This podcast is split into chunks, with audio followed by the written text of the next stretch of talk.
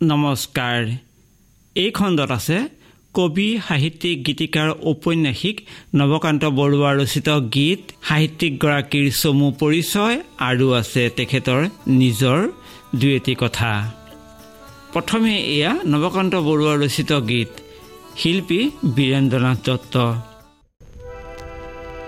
মুখত দুডাল দুবৰি বন দুডাল খৰিকা মোৰ চোতালত উমলহি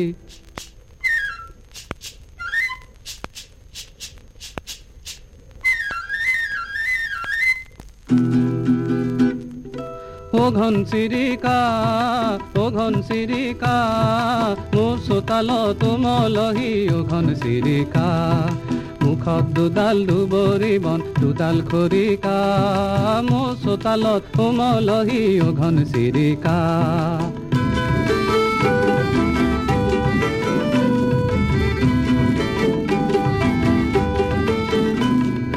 কিমান যে তোৰত পালি কিমান ধৰ মোৰা চালি। কিমান যে তোৰত পালি কিমান ধৰ মোৰা চালি কেয়া বনৰ মাজে মাজে কোন কথকি? অভিসাৰিকা ঘন চিৰিকা ঘন চিৰিকা মুখত দুডাল দুবৰি বন দুডাল খৰিকা মোৰ চোতালত কোমলহি ঘন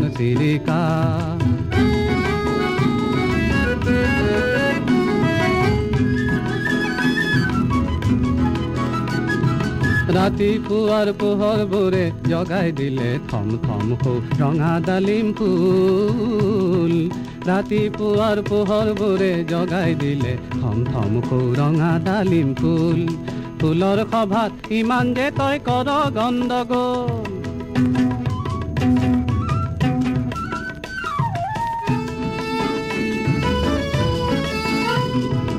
ৰঙা ৰঙা মচুৰ দালি ধন্তীয়ে তোক দিছে তুলি। ৰঙা ৰঙা মচুৰ দালি ভন্তীয়ে তোক দিছে তুলি, হাতত পৰীক্ষা থুপুক থাপাক ভন্তীজনীৰ হাতত পৰীক্ষা মোৰ চোতালত মলহি ঘন চিৰিকা মুখত দুডাল দুবৰি বন দুডাল খৰিকা।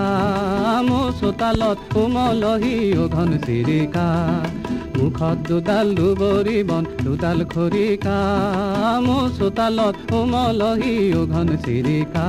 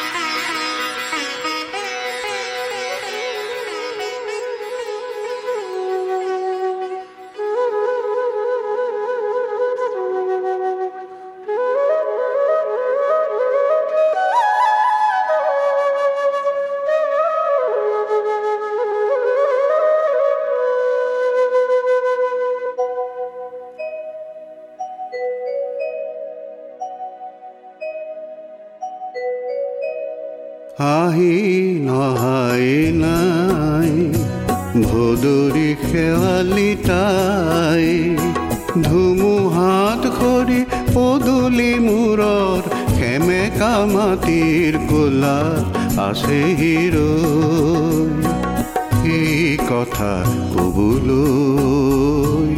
এই কথা কবলৈ আহি নহাই নাই ভদৰি শেৱালি তাই ধুমুহাত খৰি পদূলি মূৰৰ সেমেকা মাটিৰ কোলাত আছে হিৰ এই কথা কবলৈ কিনো কথা কবলৈ। জীয়াই থাকিম বহুতো শৰত চাই যাম বহু শুকুলা ডাৱৰ কুহুৱাৰ আহ বতাহে আনিব অপেচৰি কুটাকৈ কুণ্ঠিৰাবোৰে সাদৰি যাচিব বুকুৰ মোৰ। জীৱনৰ সুৰা মিঠা তিতা কেহা বুজিবৰ পৰ এতিয়ানো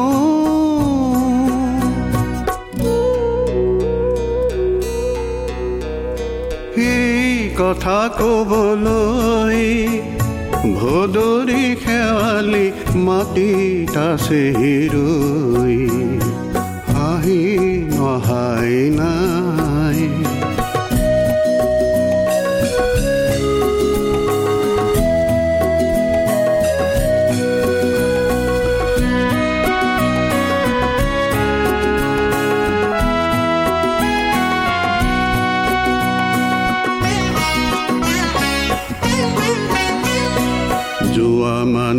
অহা অহা মানে যোৱা যোৱা মানে অহা অহা মানে যোৱা ৰৈ থকা মানে গৈ থকা আৰু গৈ থকা মানে ৰোৱা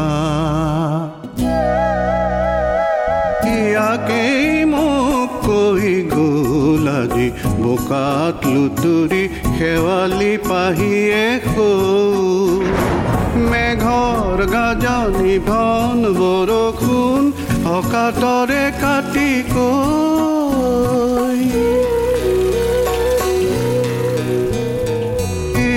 কথা কবলৈ ভদৰি শেৱালি মাটিত আছে ৰৈ আহি নহাই নাই ভদৰি শেৱালি তাই ধুমুহাত খৰি পদূলি মূৰৰ সেমেকা মাটিৰ কোলাত আছে হিৰৈ এই কথা কবলৈ এই কথা কবলৈ এই কথা কবলৈ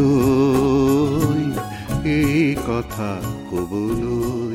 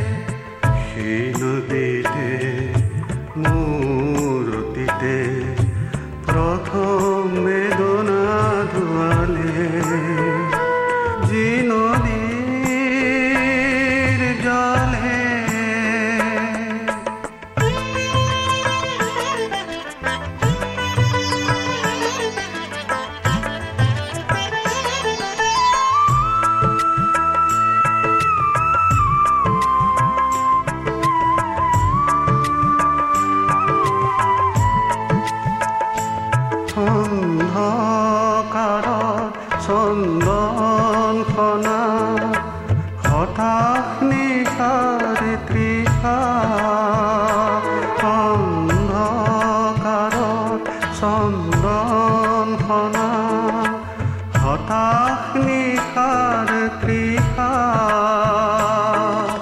বন্ধ মনত মুৰি চিকা জুৰি পাই ভাষা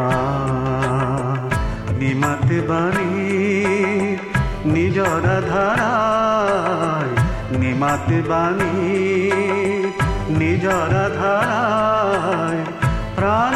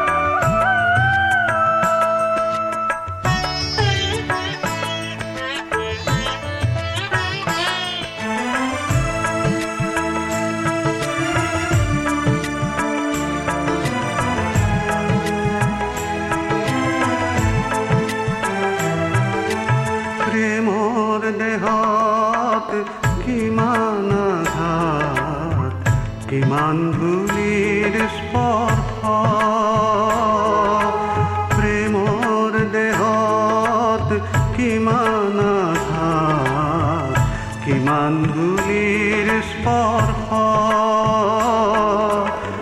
স্মৃতির হৃদয়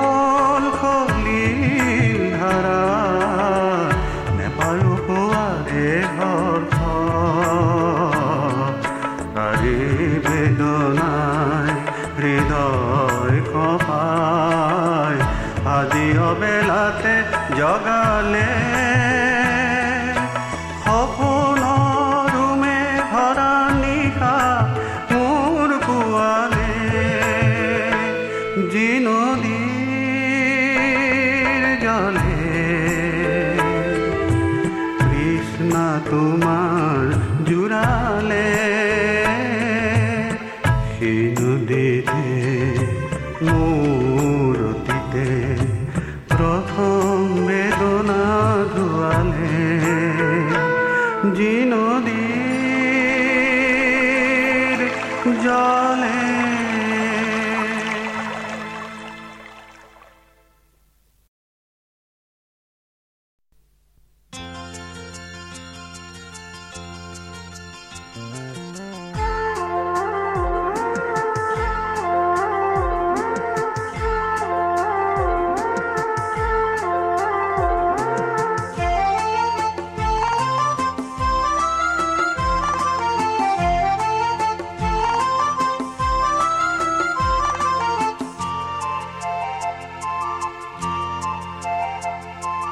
কত যাত্রী খোলা করি ঘুষি গো? একা জলি জল, মূর বানর তীর্থ জল আদিকে খরত নিথর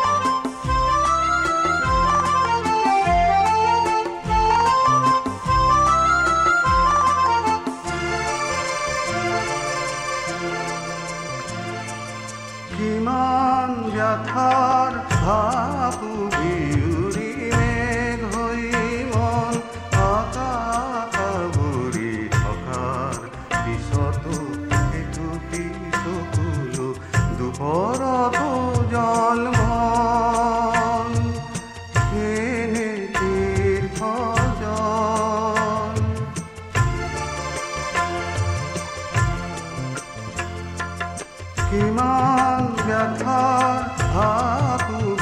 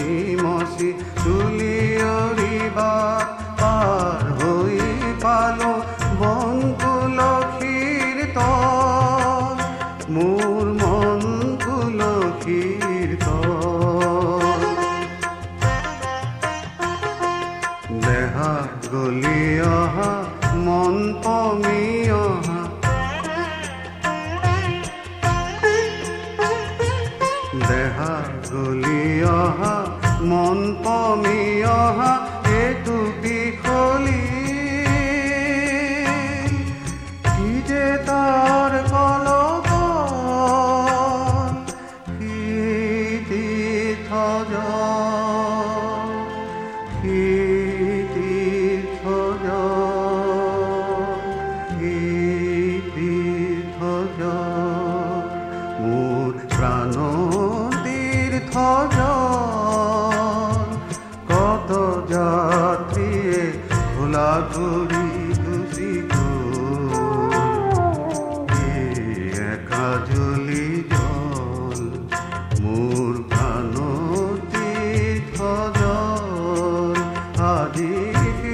শেষৰত নিথৰ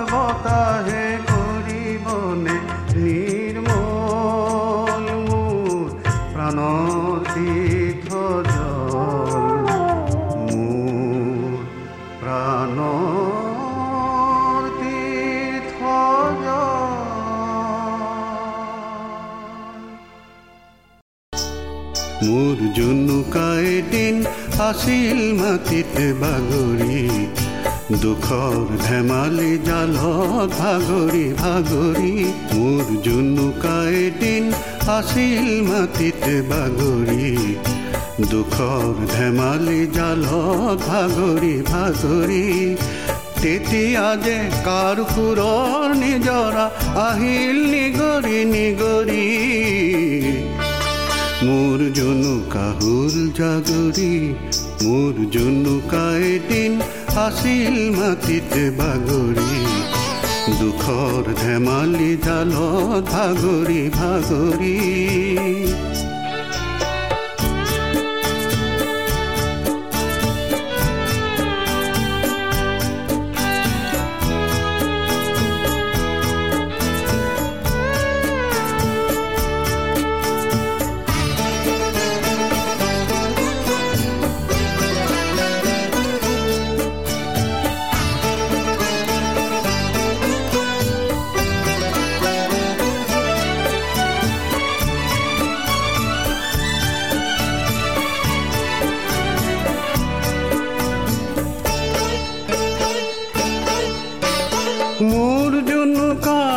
সাৰ পাই কোমল পাতত কপি জিলিৰ মাতত নাচি।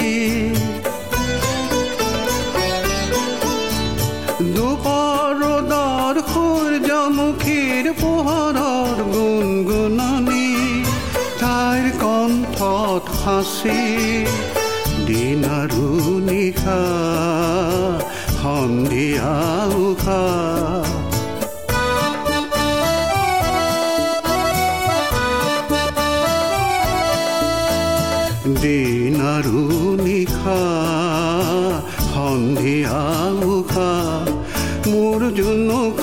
থাকে পাহৰি কাৰ চন্দ গধুৰ চকুৰ লোটকে ভৰালে সুৰৰ গাগৰি মোৰ জুনুকা হুল জাগৰি মোৰ জুনুকাই দিন আছিল মাটিত বাগৰি দুখৰ ধেমালি জালত ভাগৰি ভাগৰি মোৰ জুনুকাই দিন আছিল মাটিত বাগৰি দুখৰ ধেমালি জালত ভাগৰি ভাগৰি তেতিয়া যে কাৰ সুৰৰ নিজৰা আহিল নিগৰি নিগৰি মোৰ জুনুকা হুল জাগৰি মোৰ জুনুকা কাহুল জাগৰি মোৰ জুনুকা হুল জাগৰি মোৰ জুনুকা হুল জাগৰি এইবাৰ অসমীয়া সাহিত্য জগতৰ এই চিৰসেউজ সাহিত্যিকগৰাকীৰ চমু পৰিচয়। অসমীয়া সাহিত্য জগতৰ এটি পৰিচিত নাম নৱকান্ত বৰুৱা। ঊনৈছশ ছাব্বিছ চনৰ ঊনত্ৰিশ ডিচেম্বৰত নগাঁৱত জন্ম লাভ কৰা নৱকান্ত বৰুৱাৰ পিতৃৰ নাম আছিল নীলকান্ত বৰুৱা আৰু মাতৃ স্বৰ্ণলতা বৰুৱা। ঊনৈছশ একচল্লিছ চনত তেওঁ নগাঁও চৰকাৰী উচ্চতৰ মাধ্যমিক বিদ্যালয়ৰ পৰা প্ৰৱেশিকা পৰীক্ষাত উত্তীৰ্ণ হয়। তাৰ পাছত তেওঁ কলকাতা বিশ্ববিদ্যালয়ৰ পৰা ইংৰাজীত অনাৰ্ছসহ স্নাতক আৰু আলিগড় মুছলিম বিশ্ববিদ্যালয়ৰ পৰা ইংৰাজী বিষয়ত স্নাতকোত্তৰ পৰীক্ষাত উত্তীৰ্ণ হয়। উত্তৰ প্ৰদেশৰ চিকুহাবাদৰ এ কে কলেজৰ অধ্যাপকৰূপে কৰ্মজীৱন আৰম্ভ কৰা নৱকান্ত বৰুৱাই পাছত যোৰহাট জগন্নাথ বৰুৱা মহাবিদ্যালয় আৰু কটন কলেজত অধ্যাপনা কৰি তাৰ পৰাই উপাধ্যক্ষৰূপে অৱসৰ গ্ৰহণ কৰে। শৈশৱৰে পৰা সাহিত্য চৰ্চা কৰা নৱকান্ত বৰুৱাৰ এটি ছদ্মনাম আছিল এখুত ককাইদেউ। একালত তেওঁ সীমা ছদ্মনামেৰেও বহু কবিতা ৰচনা কৰিছিল। আধুনিক অসমীয়া কবিতাক এক অনন্য মাত্ৰা প্ৰদান কৰি থৈ যোৱা নৱকান্ত বৰুৱাৰ প্ৰতিখন কবিতা পুথি কায়িক জীৱনৰ সৌন্দৰ্য প্ৰেমৰ মাধুৰী মৃত্যু ৰহস্য আদি বিবিধ বিষয়বস্তুৰে সমৃদ্ধ। তেওঁৰ প্ৰকাশিত কবিতা সংকলন কেইটি হল হে অৰণ্য হে মহানগৰ এটি দুটি এঘাৰটি তৰা জ্যোতি আৰু কেইটামান স্কেচ সম্ৰাট মোৰ আৰু পৃথিৱীৰ ৰাৱণ এখন স্বচ্ছ মুখাৰে ইত্যাদি। ইয়াৰে মোৰ আৰু পৃথিৱী শীৰ্ষক কবিতা পুথিৰ বাবে ঊনৈছশ চৌসত্তৰ চনত তেওঁ প্ৰকাশন পৰিষদৰ বঁটা লাভ কৰে। যশস্বী ঔপন্যাসিক ৰূপেও খ্যাত নৱকান্ত বৰুৱাৰ কেইখনমান উল্লেখযোগ্য উপন্যাস হল কপিলিপৰীয়া সাধু ককাদেউতাৰ হাৰ গৰমা কুঁৱৰী মানুহ আটাইবোৰ দ্বীপ ইত্যাদি। এখুত ককাইদেউ নামেৰে শিশু সমাজত প্ৰখ্যাত নৱকান্ত বৰুৱাৰ শিশু উপযোগী গ্ৰন্থসমূহৰ ভিতৰত মৰুৱা ফুল মই টুনিয়ে টুনটুনালো ভট ঔকাৰে ভূ মাখনৰ কুকুৰা পোৱালি শিয়ালি পালেগৈ ৰতনপুৰ গোলাপ আৰু বেলি ফুল মনত পৰাৰ শব্দ কিশোৰ ৰামায়ণ আখৰৰ জখলা ন আইতাৰ কথা উল্লেখযোগ্য। তেওঁ জোনমাই নামৰ প্ৰসিদ্ধ শিশু আলোচনী এখনৰো সম্পাদক আছিল। তেওঁৰ অনান্য প্ৰচলিত পুথিসমূহৰ ভিতৰত অসমীয়া চন্দ্ৰশিল্পৰ ভূমিকা কবিতাৰ দেহ বিচাৰ দেশে দেশে মোৰ দেশ কথাৰ মাজৰ বতৰা আদি অন্যতম। নৱকান্ত বৰুৱাৰ সংকলিত আৰু সম্পাদিত গ্ৰন্থসমূহ হল ভাৰতীয় চাৰুকলাৰ ভূমিকা অসমীয়া আধুনিক অভিধান আৰু গাৰো ইংৰাজী অসমীয়া অভিধান। গেটেৰ ফাউষ্ট দুটা খণ্ডত অনুবাদ কৰা নৱকান্ত বৰুৱাৰ অনুবাদ গ্ৰন্থসমূহ হৈছে বিশ্বমানৱৰ অভিমুখে ৱাল্ট হুইটমেনৰ এশ কবিতা নজৰুল ইছলামৰ কবিতা সুমিত্ৰানন্দন পন্থৰ কবিতা ইত্যাদি। অসমীয়া সাহিত্য জগতলৈ বহুমূলীয়া বৰঙণি আগবঢ়াই থৈ যোৱা নৱকান্ত বৰুৱাই জীৱনত বহু বঁটা আৰু সন্মান লাভ কৰিবলৈ সক্ষম হৈছিল। ইয়াৰ ভিতৰত ঊনৈছশ পঁয়সত্তৰ চনত ককাদেউতাৰ হাৰ উপন্যাসৰ বাবে সাহিত্য অকাডেমী বঁটা ঊনৈছশ ছয়সত্তৰ চনত ভাৰত চৰকাৰৰ পদ্মভূষণ সন্মান ঊনৈছশ নব্বৈ চনত মধ্যপ্ৰদেশৰ কবিৰ সন্মান ঊনৈছশ তিৰান্নব্বৈ চনত অসম উপত্যকা সাহিত্য বঁটা চম্বলপুৰ বিশ্ববিদ্যালয়ৰ গংগাধৰ বঁটা আৰু ঊনৈছশ আঠানব্বৈ চনত কমল কুমাৰী বঁটা উল্লেখযোগ্য। ঊনৈছশ নব্বৈ চনত তেওঁ অসম সাহিত্য সভাৰ বিশ্বনাথ চাৰিআলি অধিৱেশনৰ সভাপতিৰ পদ অলংকৃত কৰে।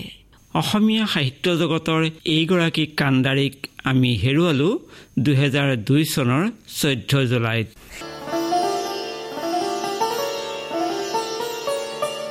এইবাৰ এয়া তেখেতৰ কণ্ঠস্বৰ। এটা কথা অনুভৱ কৰোঁ কেৱল মাত্ৰ সেইটো হ'ল যে জীৱনৰ একো বস্তু পেলনি নাযায় যদি তাৰ আঁৰত নিষ্ঠা থাকে। ৰবীন্দ্ৰনাথৰ কথাটো সেইটো মোৰ এটা জীৱনৰ অভিজ্ঞতাৰে কথা। সেইটো হ'ল জীৱনীৰ ধন কিছুই যাবে না ফেলা এই বাক্যটোৱে মোক সদায় অনুপ্ৰেৰণা দিছিলে। গতিকে মই সেইকাৰণে নিষ্ঠাৰে যিখিনি কাম কৰিবৰ মন যায় সেইখিনি কাম মই নিষ্ঠাৰেই কৰোঁ। আমাৰ ঘৰখনত এটা বস্তুৰ অভাৱ নাছিল সেইটো হৈছে দাৰিদ্ৰ কাৰণ দেউতা স্কুলৰ শিক্ষক আছিল। কিন্তু লগতে আৰু এটা বস্তুৰ অভাৱ নাছিল সেইটো হৈছে যে সেইটোক একেলগে মানি লোৱা আৰু অস্বীকাৰ কৰা। আমাৰ সংসাৰৰ ৰীতি নীতিবিলাক যে দেউতাৰ আয় অনুযায়ী হৈছিল। এই কথাটো আমি জীৱনত কেতিয়াও সৰুকালত আমি অনুভৱ নকৰিলোঁ। ভাবিছিলোঁ সেইটো নিয়মেই। পৰিয়ালটো অলপমান লেখা পঢ়া জনা ধৰণৰ পৰিয়াল। এনেই লেখা পঢ়াৰ প্ৰতি অনুৰাগ থকা পৰিয়াল আছে। সেইটো এটা মনত পৰে। মই যেতিয়া গান শিকিবলৈ গৈছিলোঁ লগৰ বন্ধু বান্ধৱৰ লগত মই অকণমান বেহেলাত হাতখনো আহিছিল। দেউতা বুঢ়া বয়সলৈকে দেউতাই সদায় পঢ়ি আছিলে। দেউতা হৈছে মোৰ সমান বুঢ়া হোৱা নাছিলে। দেউতাই যেতিয়া ঢুকায় তেতিয়া দেউতাৰ বয়স মাত্ৰ চৌষষ্ঠি বছৰ। মই যেতিয়া সৰুৰে পৰা কবিতা লিখিবলৈ চেষ্টা কৰোঁ তেতিয়া কিন্তু দেউতাই মই বেয়া হৈ যাম বুলি ভবা নাছিল। বঙলা স্কুলত প্ৰথম শ্ৰেণী পাছ কৰাৰ লগে লগে মোক হাইস্কুললৈ লৈ অহা হ'ল ক্লাছ থ্ৰী। মাজৰ সেই দ্বিতীয় শ্ৰেণীৰ যিকেইটা বস্তু শিকায় বিশেষকৈ অংকৰ ক্ষেত্ৰত বাকীখিনি মই পাৰিলোঁ। কিন্তু অংকটো নোৱাৰিলোঁ। গোটেই জীৱনটো মই ভগ্নাংশৰ অংক নিশিকাকৈয়ে কটাই দিলোঁ। আজিৰ খণ্ডত নৱকান্ত বৰুৱাৰ ৰচিত গীত তেখেতৰ চমু পৰিচয় আগবঢ়োৱা হ'ল। আজিৰ খণ্ড ইমানতে সামৰিছো। নমস্কাৰ।